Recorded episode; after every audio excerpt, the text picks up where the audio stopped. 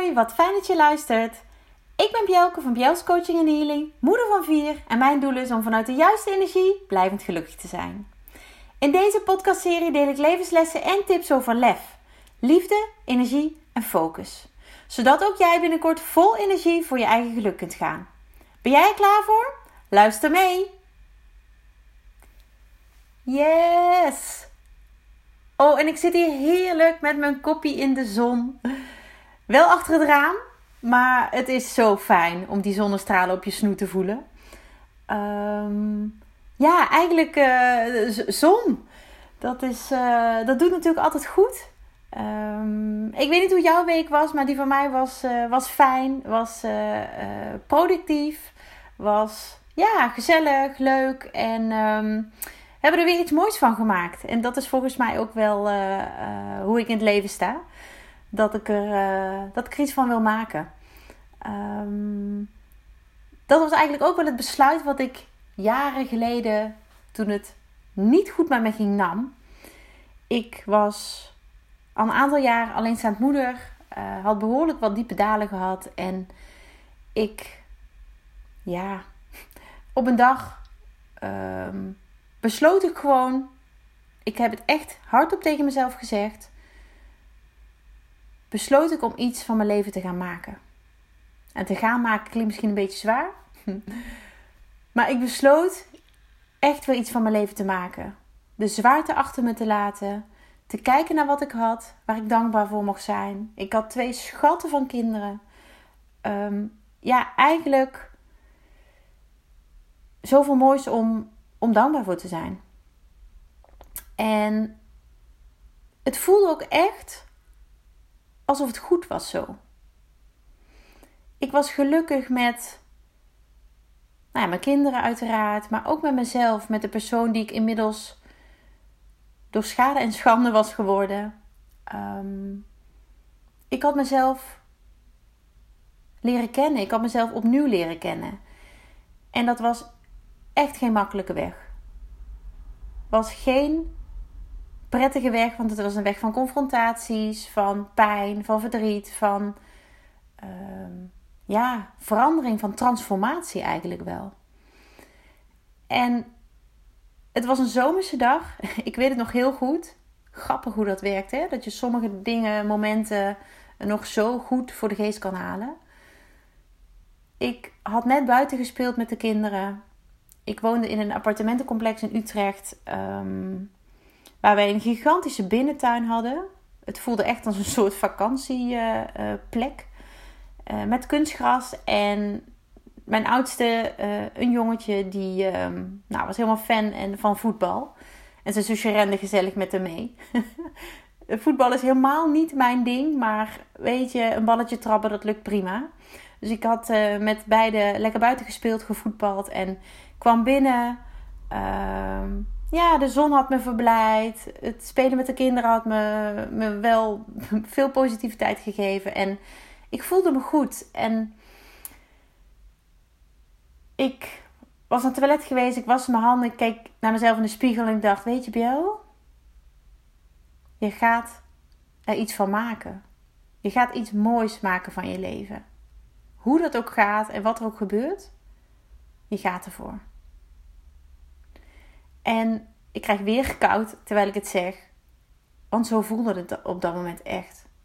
Zo voelde het. En er kwam zo'n vuur in me naar boven dat ik dacht: Weet je, ik kan dit gewoon. Ik kan dit gewoon. Sterker nog, ik doe dit gewoon al.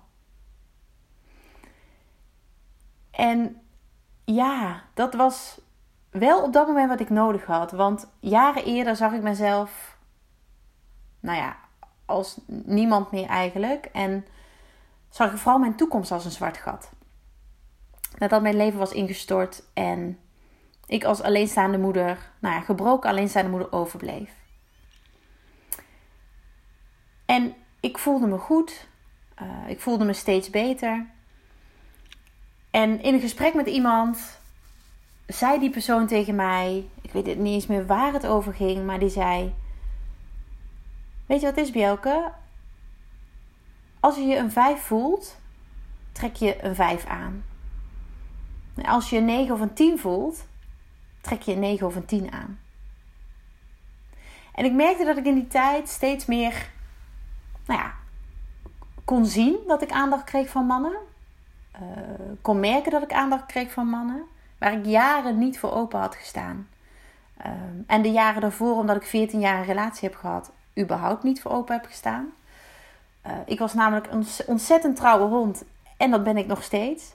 En dat is ook hoe ik in een relatie sta en hoe ik ook wil dat mijn partner in een relatie staat. Helaas was dat bij mijn ex-partner niet het geval. Maar nou goed, daar heb ik al eh, behoorlijk wat over gedeeld. En daar zal ik ongetwijfeld nog wel eens op terugkomen. Um, maar ik ben en blijf gewoon ja, trouw aan de persoon waarvoor ik kies.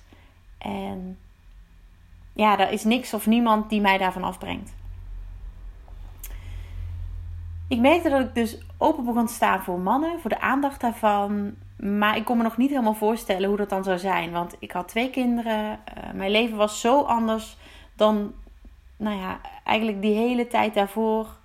Uh, toen ik vrijgezel was. En toen ik eigenlijk nog heel jong was. Want ik heb vanaf mijn zeventiende uh, een vaste relatie gehad. Met de vader van mijn oudste twee kinderen. En ja, weet je, op je 16, 17 ben je natuurlijk zo'n ander persoon dan op je begin 30. Um, ik voelde me goed. Ik voelde me steeds beter. En ging ook steeds vaker op stap, waar ik van genoot. De zwaarte van het wegbrengen van de kinderen naar hun vader was, nou ja, was een stuk milder geworden. Um, ik merkte dat ik steeds meer ook inzag dat ik die tijd alleen en, en het plezier wat ik kon maken ook zonder de kinderen nodig had. En genoeg vriendinnen, ook vrijgezelle vriendinnen waarmee ik op stap kon. Dus nou ja, daar maakte ik gewoon gebruik van. En doordat mijn kinderen bij hun vader waren, had ik ook de ruimte en de rust om dat te doen. Hoefde ik me niet zorgen te maken om een bepaald tijdstip thuis te zijn. Ehm, eh, dat ik uh, bepaalde dingen nog voor ze moest doen. Want ze waren wat dat betreft in goede handen. En ik weet wel dat ik heel erg voelde dat ik niet op zoek was naar een opvulling in mijn leven. Want met twee kleine kinderen, een fulltime baan en nou ja, een mooi sociaal leven vol met lieve familie en vrienden, ja, had ik eigenlijk geen tekort. Ik was niet op zoek naar een opvulling, maar wel naar een aanvulling. En dat heb ik altijd zo gezien. En in mijn beleving, als je iets ziet als aanvulling, dan is wat je hebt al goed. Dan is wat je hebt al mooi. En dan maakt het ook niet aan wat, uit wat die aanvulling is en of die er komt. Want als je blij bent met wat je hebt, maakt het niet uit wat erbij komt. En dat is zo ontzettend mooi om zo in het leven te kunnen staan. Maar dat heb ik ook moeten leren. Door juist ontzettend diep te gaan. Door juist die toekomst als een zwart gat te zien. En vanuit daar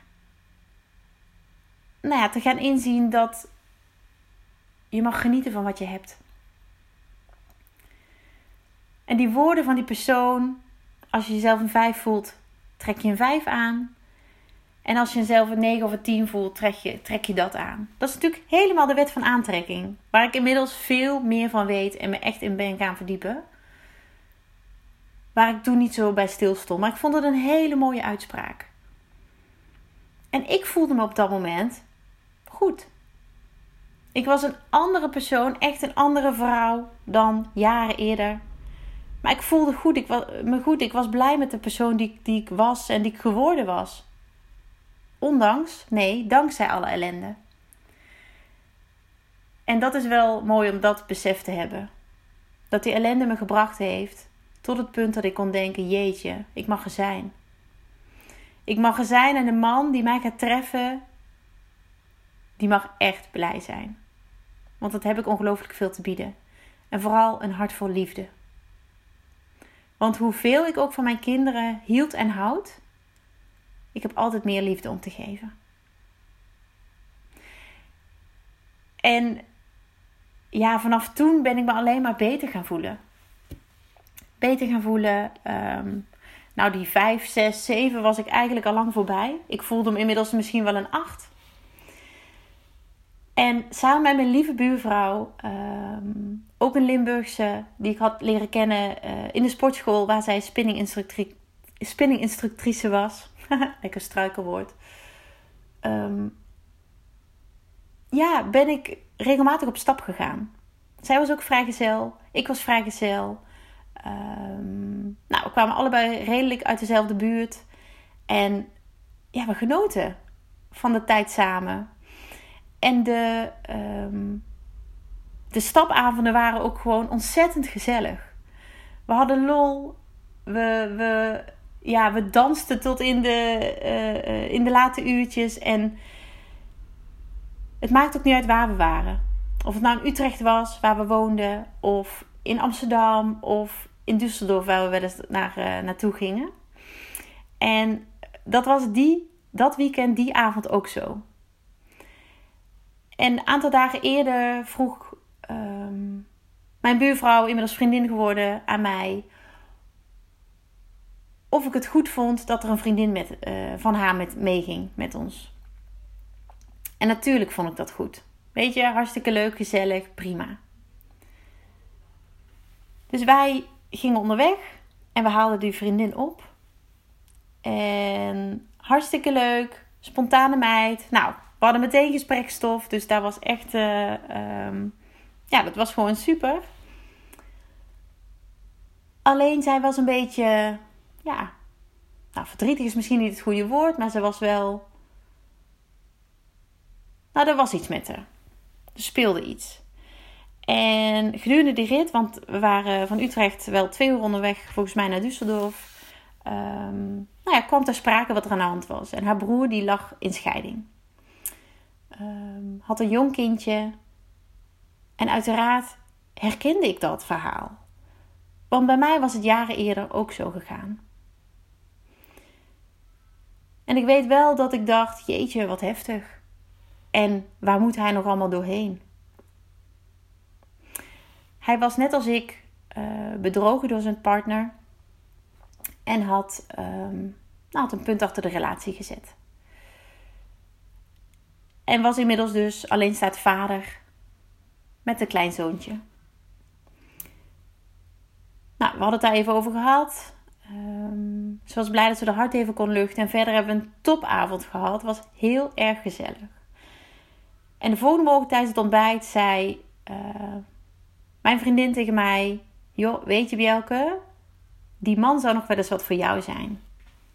En met die man doelde ze op de broer van haar vriendin. En ik dacht alleen maar: Yeah, right. Een man die in scheiding ligt, nou echt, no way. Dat is echt, ik ben er net vanaf. Het is een hoop gedoe, een hoop emotie, weet je, emotionele uh, achtbaan. Laat hem alsjeblieft zijn eigen proces hebben. En nou ja, ik ken hem natuurlijk helemaal niet, maar dat vraagt tijd. Het vraagt tijd om daar overheen te komen. En het ging net lekker met mij, dus ik dacht: nee, heb ik geen zin in. Prima. Nou, de tijd verstreek en um, ik had hier en daar een date. Maar wat ik, waar ik me heel bewust van was, was dat ik niet zomaar met iedereen op date ging. En dat was niet alleen maar omdat ik best wel kritisch was. En ik denk dat je als moeder ook kritischer bent uh, dan uh, wanneer je niet uh, moeder bent. Maar het was ook omdat ik een oppas moest regelen. En dan was het regelen van de oppas niet een probleem, maar daar betaalde ik voor. Dus ik had mezelf wel voorgenomen van nou, degene waarmee ik ga daten, die moet wel de moeite waard zijn. Want ik regelde daar een oppas voor. En dat betekende dat ik um, niet heel veel op date ging.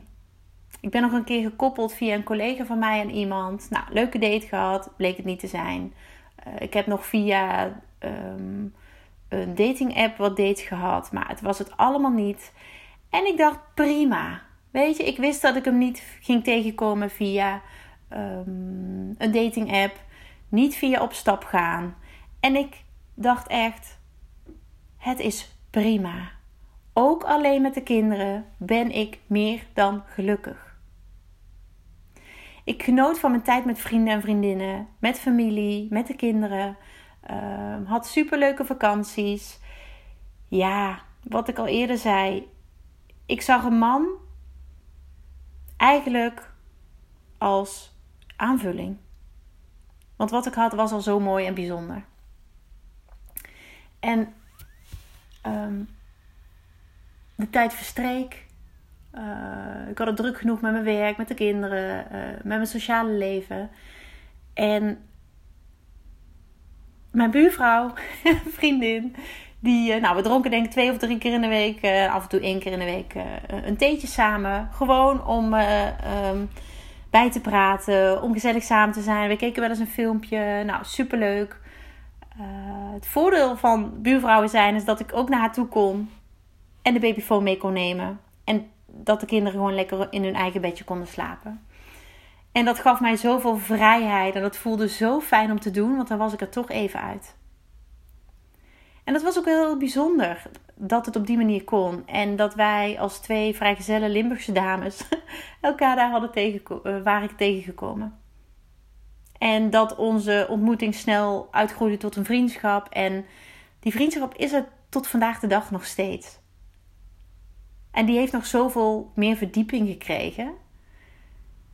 En de reden daarvan is dat zij op een gegeven moment tijdens een theetje tegen mij zei: Joh, Bjelke, weet je wie weer vrijgezel is? En ik dacht: uh, Nee. Ja, Bart. Je weet wel, de broer van. Ik dacht: Bart? Wie is Bart? Oh, toen ging het lampje branden. Die broer die in scheiding lag. Ik dacht, hoezo vrijgezel? Nou ja, hij had kennelijk een rebound relatie gehad. Helemaal prima. Uh, dat was uh, gestrand. En hij was vrijgezel. En alleenstaand ouder. En ik dacht, ja, waar woonde die ook alweer? Ja, zei ze, ja, ergens... Uh, en niet hier in de buurt hoor, ergens uh, daarboven in Nederland. En ik dacht alleen maar, oh, niet handig. Niet handig. Ik had net mijn leven in Utrecht helemaal op orde. Alles liep. Kinderen uh, naar school, opvang, mijn werk. vrienden, nieuwe vrienden ontmoet. Ehm, lieve vriendinnen leren kennen. En ik dacht, nee, nee, nee, nee. Maar toch hield het me bezig. Het hield me bezig en iets in mij zei: waarom niet? Waarom probeer je het niet? Nou, ik moet even zuchten, want ik weet nog heel goed hoe ik me toen voelde. Ik dacht: oké, mijn hoofd vertelde iets anders dan mijn, uh, dan mijn hart. Mijn hart zei: joh, Bjelke, probeer het. En mijn hoofd wierp allerlei weerstanden op. Allerlei redenen waarom ik het vooral niet zou doen. Uh, hij had al een kind. Um, weet je, daardoor ben je wat beperkter in wat je kan. Uh, uh, qua locatie en qua mogelijkheden. hij woonde aan de andere kant van Nederland. Um, hij had daar zijn leven opgebouwd. Ik had het hier opgebouwd. Hoe dan? Maar toch was er iets in me wat zei: joh, probeer het gewoon. En inmiddels had ik natuurlijk zoveel geleerd dat ik dacht: waarom niet? Waarom niet? Dus ik vroeg zijn nummer aan mijn buurvrouw en zij aan haar vriendin. en die had uiteraard het nummer, want het was haar broer. En ik kreeg dat nummer. En ik had dat nummer en het stond in mijn telefoon. Ik zou dat weekend met een hele lieve andere vriendin een weekendje naar Groningen gaan. En ja, dat nummer brandde in mijn telefoon. En de ochtend nadat wij op stap waren geweest en we na een redelijk lange dansavond niet zo heel goed konden slapen, dacht ik: Weet je, ik app hem gewoon. Ik wist dat hij in Groningen had gestudeerd. En dat was voor mij een mooi aanknopingspunt, want ik was net in Groningen op stap geweest. Dus ik had een opening.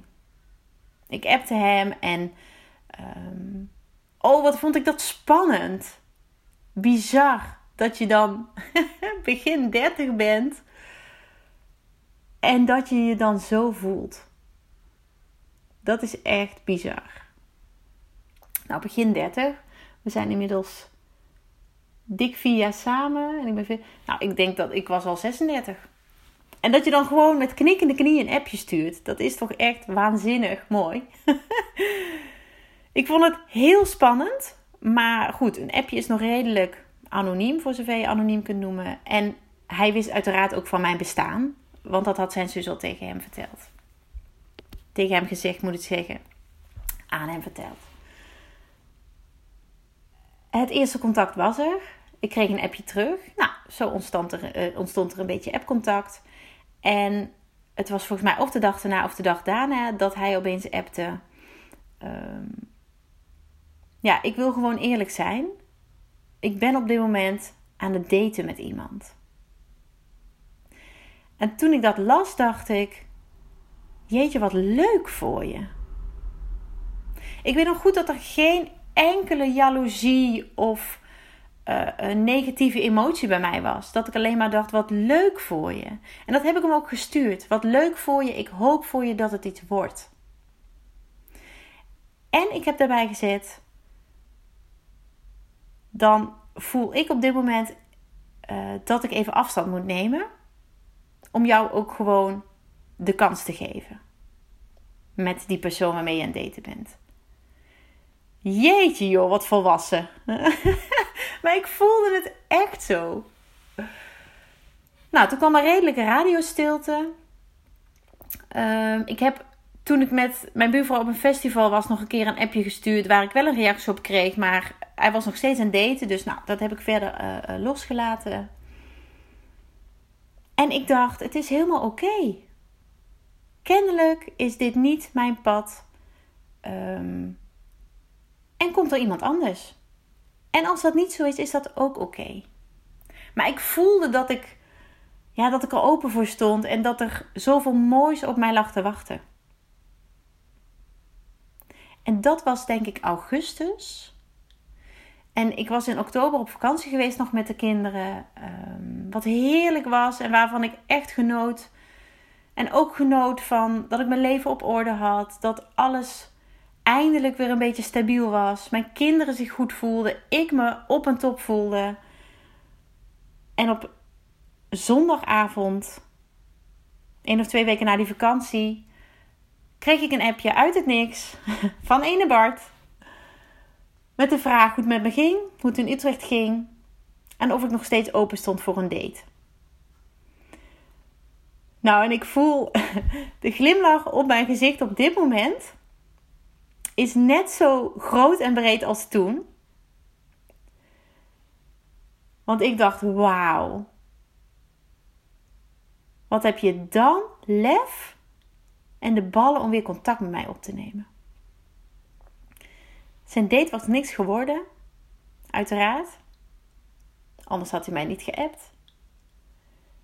En hij vroeg aan mij of ik met hem wilde daten.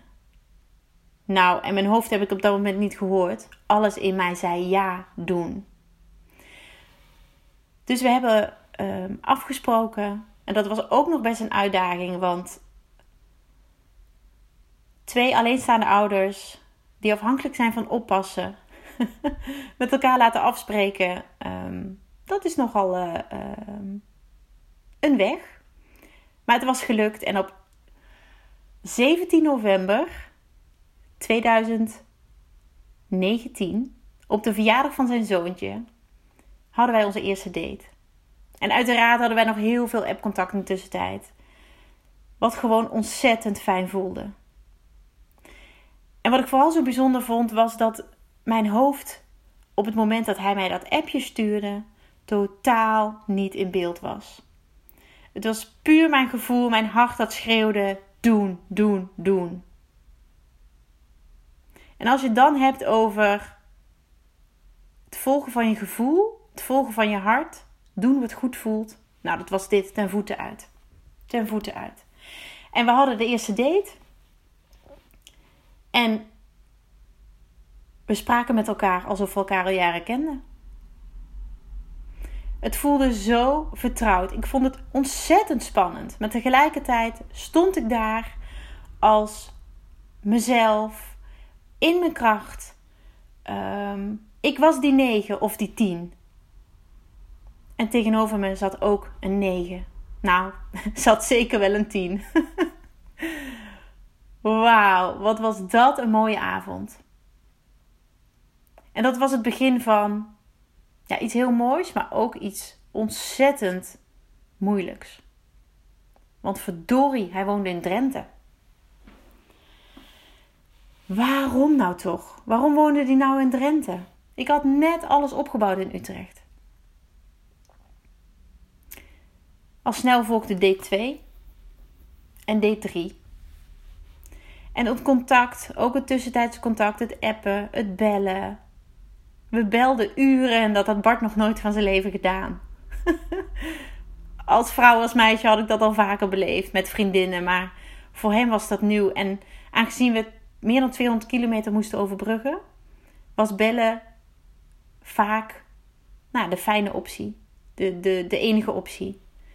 We probeerden elkaar om het weekend te zien in het begin, omdat we dan allebei geen kinderen hadden, eh, omdat die bij onze exen waren.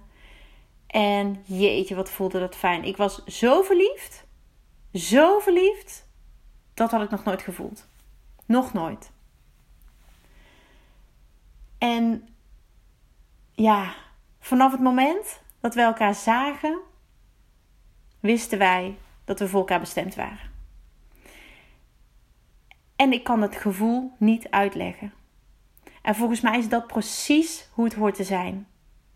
Dat je het niet met woorden kan samenvatten. Dat je het niet in woorden kan uitdrukken wat je voelt.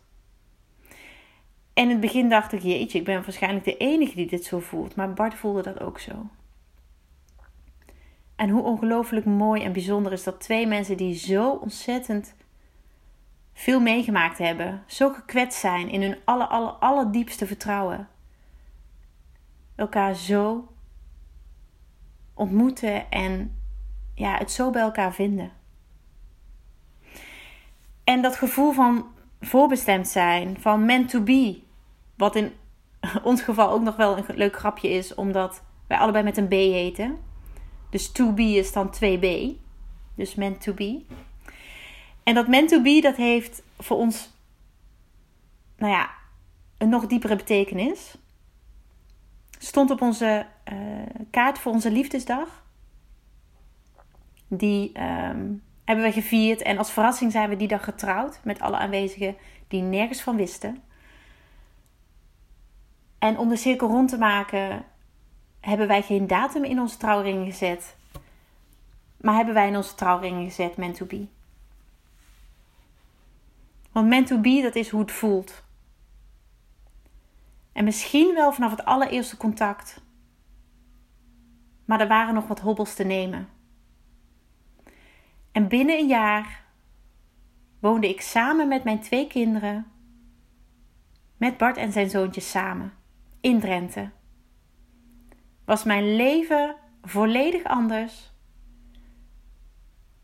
Maar dit voelde zo ongelooflijk goed. En ik heb er geen seconde, geen milliseconde spijt van gehad. En Bart is niet alleen maar de man van mijn dromen, maar ook de aanvulling die mijn leven nog veel rijker en mooier maakt dan ik had durven dromen. En ons samengestelde gezin vraagt echt wel de nodige aandacht, flexibiliteit, creativiteit enzovoorts. Maar man, wat hebben wij het fijn samen. En in die jaren dat wij samen zijn, want we zijn nu dik vier jaar samen, is er zo ongelooflijk veel gebeurd. Maar wij voelen echt als team, als meant to be. En dat is volgens mij helemaal hoe het is bedoeld. Ik kan hier nog uren over vertellen, maar ik ga het allemaal in kleine stukjes doen. In mijn podcast of in mijn blog of in posts die ik deel op social media. Dus blijf mij volgen, want ja, ik hoop dat ik jou ermee inspireer. Want ik was een vrouw, gebroken, alleenstaand moeder van twee, kleine kinderen. Ehm, ik had mijn handen meer dan vol. En ik wist mijn droomman te vinden en gelukkiger te worden dan ooit. En met deze man word ik oud. Dat weet ik 100% zeker, want wij zijn meant to be. Dankjewel dat je dit wilde luisteren. Dankjewel dat je wilde horen hoe ik mijn droomman heb gevonden. En natuurlijk is dit niet voor iedereen het pad. Maar wat ik eigenlijk wil overbrengen is: blijf erin geloven. Maar blijf vooral dicht bij jezelf. Zorg dat jij gelukkig bent. Want als jij een 9 of een 10 bent, trek je ook een 9 of een 10 aan. Want wat je uitstraalt, trek je aan. En ik denk dat dat wel een hele mooie is om deze aflevering mee af te sluiten. Um, nou ja, mocht ik je geïnspireerd hebben, mocht je hier energie van hebben gekregen, mocht je hier blij van zijn geworden, dan laat het me alsjeblieft weten. Deel deze podcast met anderen, um, met mensen, vrouwen, moeders die het nodig hebben, die dit uh, um, steuntje in de rug wel kunnen gebruiken. Deze liefdevolle schop onder hun kont. Want ik dacht ook dat ik nooit meer gelukkig zou worden. En zeker niet met een man. En moet je nu eens zien. Dankjewel. Dankjewel voor het luisteren en heel graag tot de volgende keer.